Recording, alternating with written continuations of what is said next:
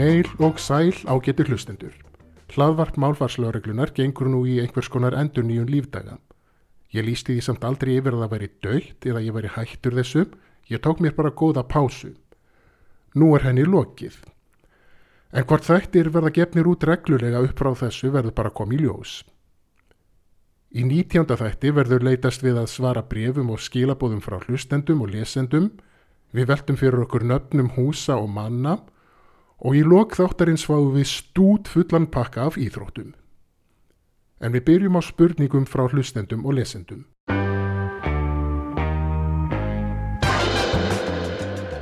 Þættinum hefur borist bref, eða ekki alveg bref, raunar eða aðtugasend við orðið rafskúta í orðabókinni frá ónemdum lesanda. Það er svoljóðandi. Rafskúta er ekki hjól heldur bátur með seglum og rafmagsmótor. Eru þið algjörir auðlar? Ég svaraði þessari aðtugasend. Takk fyrir ábendinguna. Það er satt, maður hugsaður vissulega líka um bát með segli og mótor þegar maður heyrir minnst á rafskútu, en þetta hefur líka verið notað um rafmagslaupahjól. Það sést til dæmis ef leitað er að orðinu rafskúta á Google, þá koma upp myndir og síður með rafmagslaupahjólum. Það þarf sem sagt ekki að vera fólk sé algjörir auðlar bara þó það búi til nýja merkingu fyrir gömul orð þó að það séu auðvelt að kalla fólk íllum nöfnum á bakvið tölvuskjá og nafnleind á internetinu. Þetta orð er sem sagt til og fólk er að nota það út um allt, hvort sem okkur líka það betur það verð. En ef okkur er illa við einhvað orð, og mér er sjálfum illa við fullt af orðum, þá er bara eitt að gera og það er að nota þau ekki. Og þú ert líka frábær. Og annað svar barst frá sama lesanda. Þakka þér fyrir postin. Ætlaði ekki vera dónalegur en það er til íslenskt orð fyrir þetta og þó að illa talandi einstaklingar noti ennsku þá er það ekki íslenska.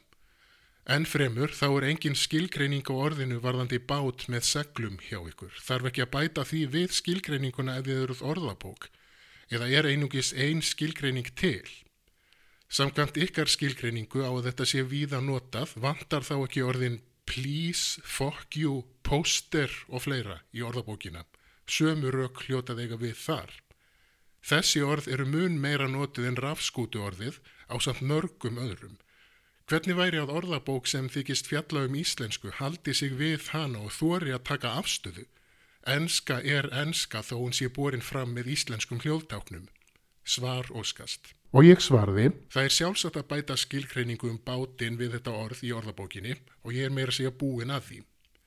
Ég skil hugmyndina sem þú hefur og ég er sammálaðir Ég vil veg íslenskunar sem mestan, við megum ekki láta þetta tungumál degja út, vil samt nefna að orð eru ekki borin fram með hljóðtáknum heldur skrifuð með hljóðtáknum, en ég ætla ekki að hengja mig í smáatriði. Við höldum tungumálunum meðal annars á lífi með nýsköpun, til dæmis með að búa til ný orð yfir gamla og nýja hluti og hugtök sama hver aðferðin við nýjirðasköpunina er. Þess vegna er rafskútan í orðabókinni. Það þarf ekki endilega að vera bara til eitt orð yfir hvern hlut. Í tilfelli rafskútunar er notuð svokölluð aðlögun við nýjirðasmíðina. Hún er full gild í íslensku og öðrum tungumálum við að búa til orð sem nú eru samþygt í tungumálinu. Þá er orð af erlendum uppruna tekið inn í málið og lagað að íslensku málkerfi þó að það berið þess merki að vera erlend.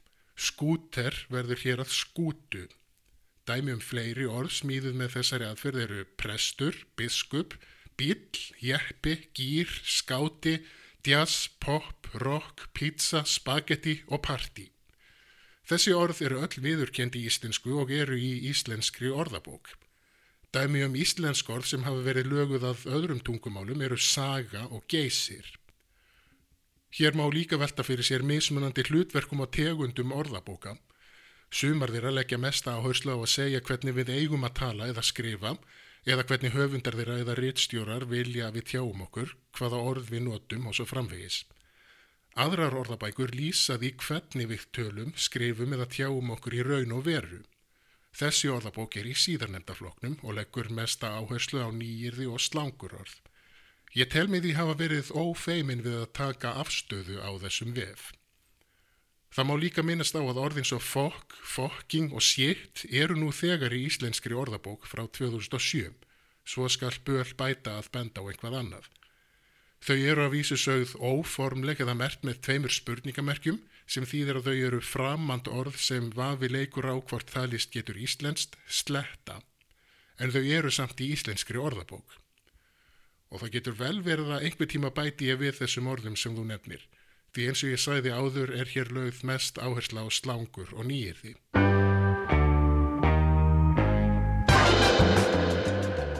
Setna brefið er svóljóðandi. Af hverju segja sum svaðalega í stað svakalega? Stuttasværið er, ég veit það ekki. En ég held að þetta séu bara mismunandi afbreyði af sama orðinu. Fyrir mér þýða þessi orð um það bilat sama. Eina leiðin til að komast að því hvort svo er, er að fletta því upp í nokkrum orðabókum. Byrjum á íslenskri orðabók af efnum snara.is. Þar merkir svakalegur 1. Svakafengin, ruttalegur 2. Skelvilegur sem vekur óta, hróðalegur og 3. Klunalegur, kauðalegur útlits, þrútin og rauður í andliti. Svaðalegur hefur merkinguna, ruttalegur, hróðalegur. Sem sagt nokkurt meinað sama og svakalegur. Lítum þá í íslenska samheita orðabók, líka á snöru. Samheiti við svakalegur eru svakafengin, herfilegur, hróðalegur, ógnvekjandi, rosalegur, skjelvilegur, svaðalegur, grófur. Samheiti við svaðalegur eru grófur, ruttalegur, svakalegur. Hérna þýða orðin líka það sama, eins og við vissum svo sem. Skoðum að lokum íslenska nútímamáls orðabók á VF árnastofnunar bara til að taka af allan vafa. Þar hefur svakalegur tvær merkingar. Eitt, til áherslu, mjög mikill. Dæmi, hún hefur alltaf verið svakalegur glanni. Og tvö, skjelvilegur. Dæmi, ég heyrði svakaleg læti út á götu í nótt. Annað dæmi, þessi fjallvegur var svakalegur áður fyrr. Svaðalegur hefur sömu eða svipaða merkingu til áherslu, slæmur, hrikalegur, dæmi, svaðalegt óveður. En hvort er eldra svakalegur eða svaðalegur? Ég hef alltaf haft á tilfinningunni að svaðalegur sé yngra og þá ekki komið inn í málið fyrir einhver tíma á síðustu 20 til 30 árum. En skoðum rítmálsheimildir. Byrjum á rítmálsafni orðabókar Háskólans. Þar er elsta dæmi um svaðalegt frá 1777 úr rýmum af yngvari Víðförla og Sveini síni hans, hveðnum af sáluga árna böðvarsinni og útgefnar eftir hans eigin handar riti. Svakalegur kemur fyrst fyrir í íslenskum þjóðsögum og ævintýrum Jóns Átnasonar sem komu fyrst út árið 1862. Samkvæmt þessu er svakalegt því 85 árum yngra en svaðalegt. Í þjóðsögum Jóns Árnasonar stendur í sögunni um Guðbrand og Mókoll. Varð Guðbrandur þess var og barði á honum, var hann og maður svakalegur og líkt gætin þegar hann reyttist, en Kristján kærði það fyrir föður sínum.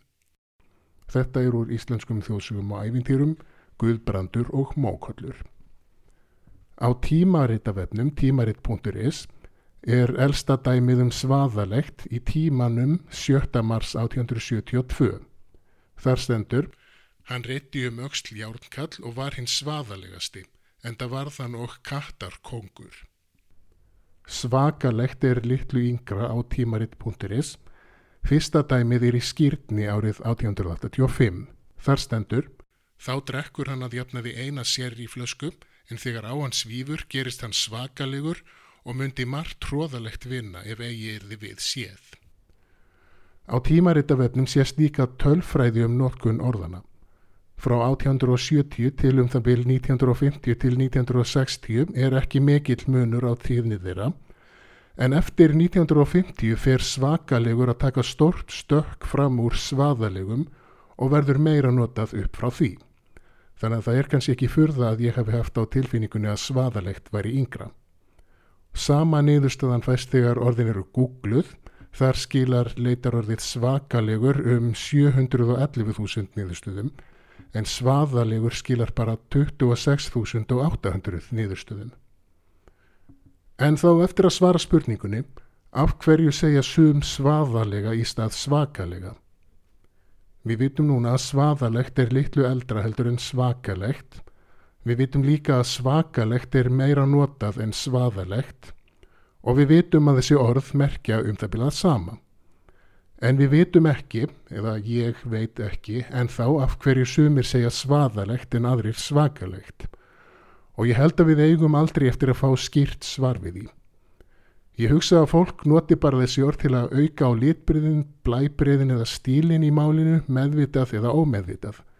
Eins og við eigum hundruð orða yfir snjó, sjó og ímiskonar veður sem við notum til mismunandi stílbriða til að lita tungumálið því það er allt í lægi að það séu til fleir en eitt orð yfir sama hlutin eða fyrirbærið. Eða eins og að stundum viljum við vera í bláum fötum en stundum viljum við vera í rauðum fötum eða svörtum, brúnum eða fjólublóum allt eftir skapi, smekk eða tækifærum hverju sinni. Ég held að minnstu kosti að þetta sé svakalega gott svar. Snúum okkur þá að húsanöfnum. Nú á dögunum var hús íslenskunar víkt og við sama tækifæri fekk það nafnið Edda af undangenginni nafnasamkeppni. Þegar samkeppnin var auglýst og þegar nýbúið var á opinbera nafnið, fóru virkir í aðtöðasendum á flug, hvort sem það var á Facebook eða Twitter.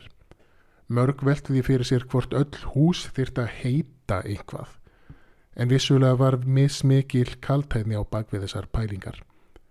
Svo ekki sín og minnst á öll grínöfnin sem fólk stakk upp á en ég ætla ekki að tala um þau öll hér.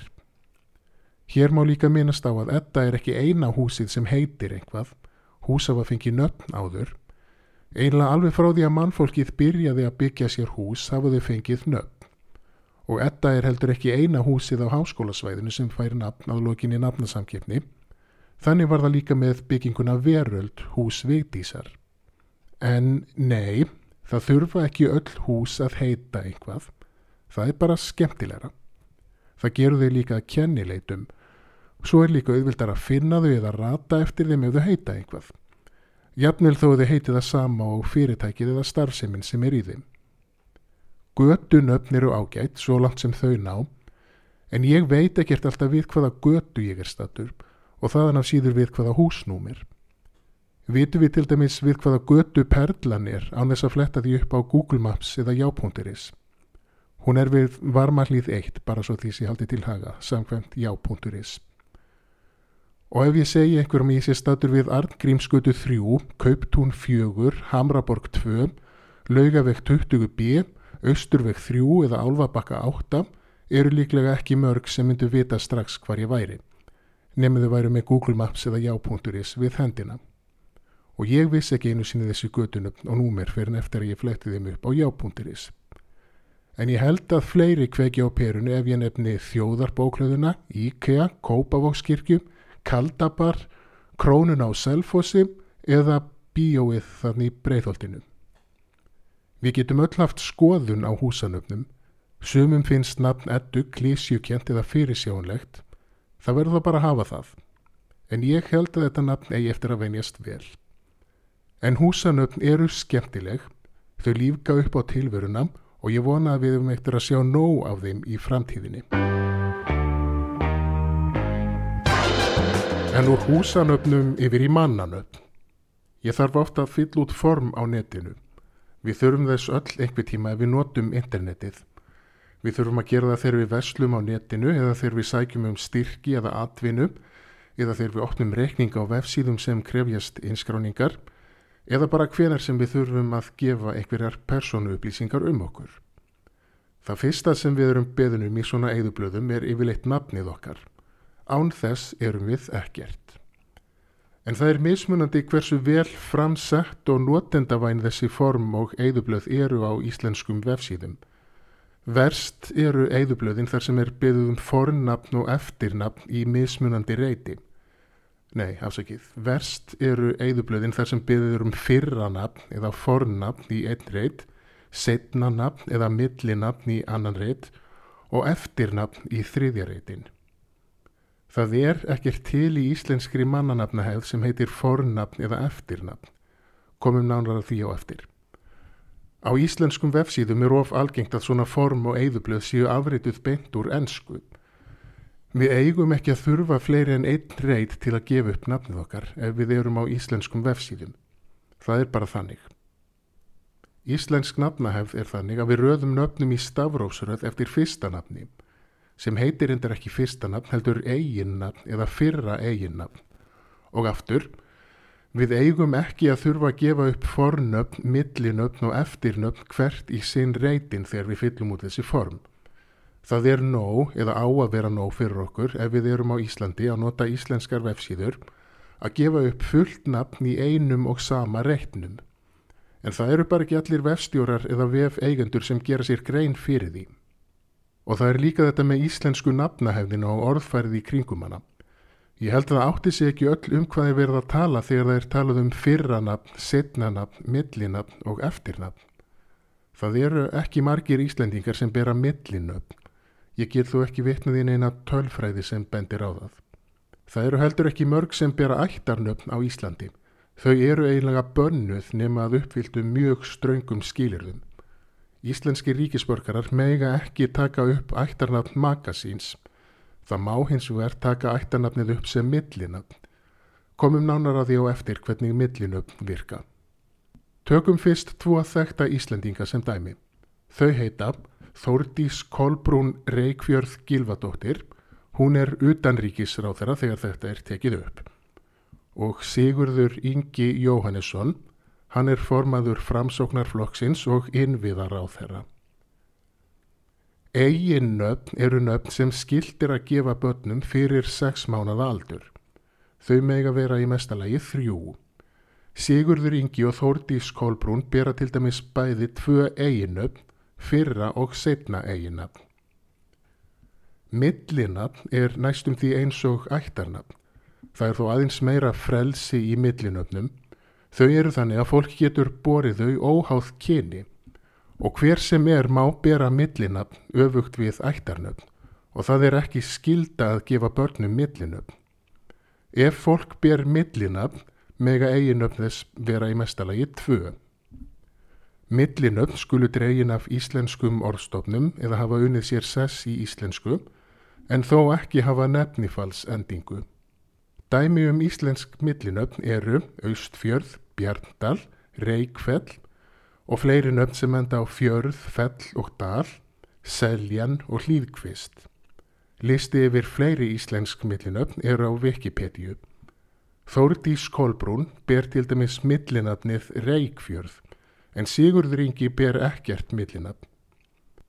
En svo flækist þetta eins því að það eru til almenn millinöfn og sérstök millinöfn. Þau sem ég talaði um hérna áðan eru almenn millinöfn. Sérstök millinöfn eru þannig að það má bera þau þó þau séu ekki íslenskað uppruna. Ef nákominn ættingi, til dæmis sískinni, foreldri, afi eða amma ber nafnið eða hefur borið af áður. Og þau sem bera ættarnafn meiga breyta því í millinafn. Þau sem bera ekki ættarnafn en eiga rétt á því meiga taka ættarnafnið upp sem millinafn. Líka þau sem eiga nákomna ættingja eða maka með ættarnafnið. Og eiginnafn foreldris í eignarfalli er líka hægt að nota sem millinafn. Börn Jóns og Guðrúnar getur til dæmis heitið Sigurður Guðrúnar Jónsson, Sigurður Jóns Guðrúnarsson eða Anna Jóns Guðrúnardóttir eða Anna Guðrúnar Jónsdóttir. Í þessum dæmum eru nöfnin Jóns og Guðrúnar millinöfn. Áður en við snúm okkar að kenninöfnum er verðt að minnast á það aftur að það er ekkert til í íslenskri mannanafnahefð sem heitir eftirnafn. Þetta heitir kenninafn en ekki eftirnafn. Á Íslandi er algengast að kenninöfn séu nöfn foreldra okkar í eignafalli á samt endingunni són eða dóttir. Oftast eru það nöfn feðra okkar en það geta líka verið nöfn mæðra okkar og það er líka leifilegt að nota bæði nöfn föður og móður. Börn Jóns og Guðrúnar sem ég myndist á áðan gætu til dæmis heitið Anna Jónsdóttir Guðrúnadóttir, Anna Guðrúnardóttir Jónsdóttir, Sigurður Guðrúnarsson Jónsson eða Sigurður Jónsson Guðrúnarsson. Þau sem bera ættarnöfn geta borið þau í stað kenninats sem og afkomendur þeirra. En það má ekki taka upp ný ættarnöfn á Íslandi. Ættarnafnberar mega líka kenna sig við föður og eða móður ásamt því að nota ættarnafnið. Útlendingar sem fá Íslensk ríkisfang mega halda nafni sínu óbreyttu. Þau mega líka taka upp eiginnöfn, millinöfn eða kenninöfn sem samræmist íslenskum reglum. Þau sem hafa fengið íslenskan ríkisborgari rétt gegn því að breyta nafni sínu og taka upp íslenskt nafn geta sótt um að fá nafni sínu breytt tilbaka að hluta eða öllu leiti. Ef annað foreldri barns er eða hefur verið erlendur ríkisborgari má gefa barninu eiginnafn og eða millinafn sem er gjaldgengt í heimalandi foreldrisins þó að það sé ekki í samræmi við íslenskar nafnareglur en barnið verður þó að fá að minnstakosti eitt íslenskt nafn. Erlendur ríkisborgari sem giftist Íslendingi má halda kenninafni eða ættarnafni sínu eða taka upp kenninafn magasíns. Vonandi eru hlustendur einhverju nær um íslenska nafnahefð og orðfar í kringumanna. Þau sem vilja kynna sér hana betur geta nálgast tengla á síðu 19. þáttar málfarslögreglunar á vefnum orðabókin.is. Og þá eru það íþróttinnar. Mér barst til erna hugtakið hreint lag. Ég hef ekki hert þetta hugtak áður í yfirfærðu merkingunni sem ég ætla að fjalla um hér, en það er það notað í íþróttamáli og ég fylgist ekki mikið með íþróttum. Það er talað um að markvörður, aðalega í fótbolta, samkvæmt leita niðurstöðum á Google, sé með hreint lag þegar honum tekst að halda markinu hreinu. Það er að segja verja öll skot sem koma að markinu. En hvað er þetta reyna lag? Þetta er bein þýðingur ennsku eins og margt annað, allt í lagi með það, en þetta er bara ekki rétt þýðing, þetta er einn stór miskilingur. Ennska hugtakið er clean sheet líka notað í fótboltamáli og hér má minnast á að knatsbyrna er óþarfa orð, tölum heldur um fótbolta, en förum ekki nánur út í það hér. Clean sheet þýðir vissulega reynd lag, en sheet getur líka þýtt blað eða pappírsörk auk nokkura annara orða og það er rétta þýðingin í þessu tilfelli. Því enska hugtakið er frá þeim tíma þar sem tölvuteknin var ekki til eða allavega ekki eins langt komin og í dag og það þurfti að nota blað og blíjant eða penna til að skrifa niður markafjöldan og aðra tölfræði úr leiknum og ef liðin voru búin að verja öll mörk í leiknum voru blöðin með markatölunum alveg hrein, laus við krót og merki, hreint blað. Og þetta, krakkar mínir, er sagan af hreina lakinu. Ég minni að lokum á vefin orðabókin.is. Þar er hægt að hlusta á fleiri hlaðvarpsætti, fletta upp í orðasafninu og senda skilaboð, aðtugasendir eða tillögur að nýjum orðum. Ég meini líka á samfélagsmiðla orðabókarinnar á Facebook og Twitter en þessum þætti er lokið, munið að halda lakinu hreinu, verðið sæl.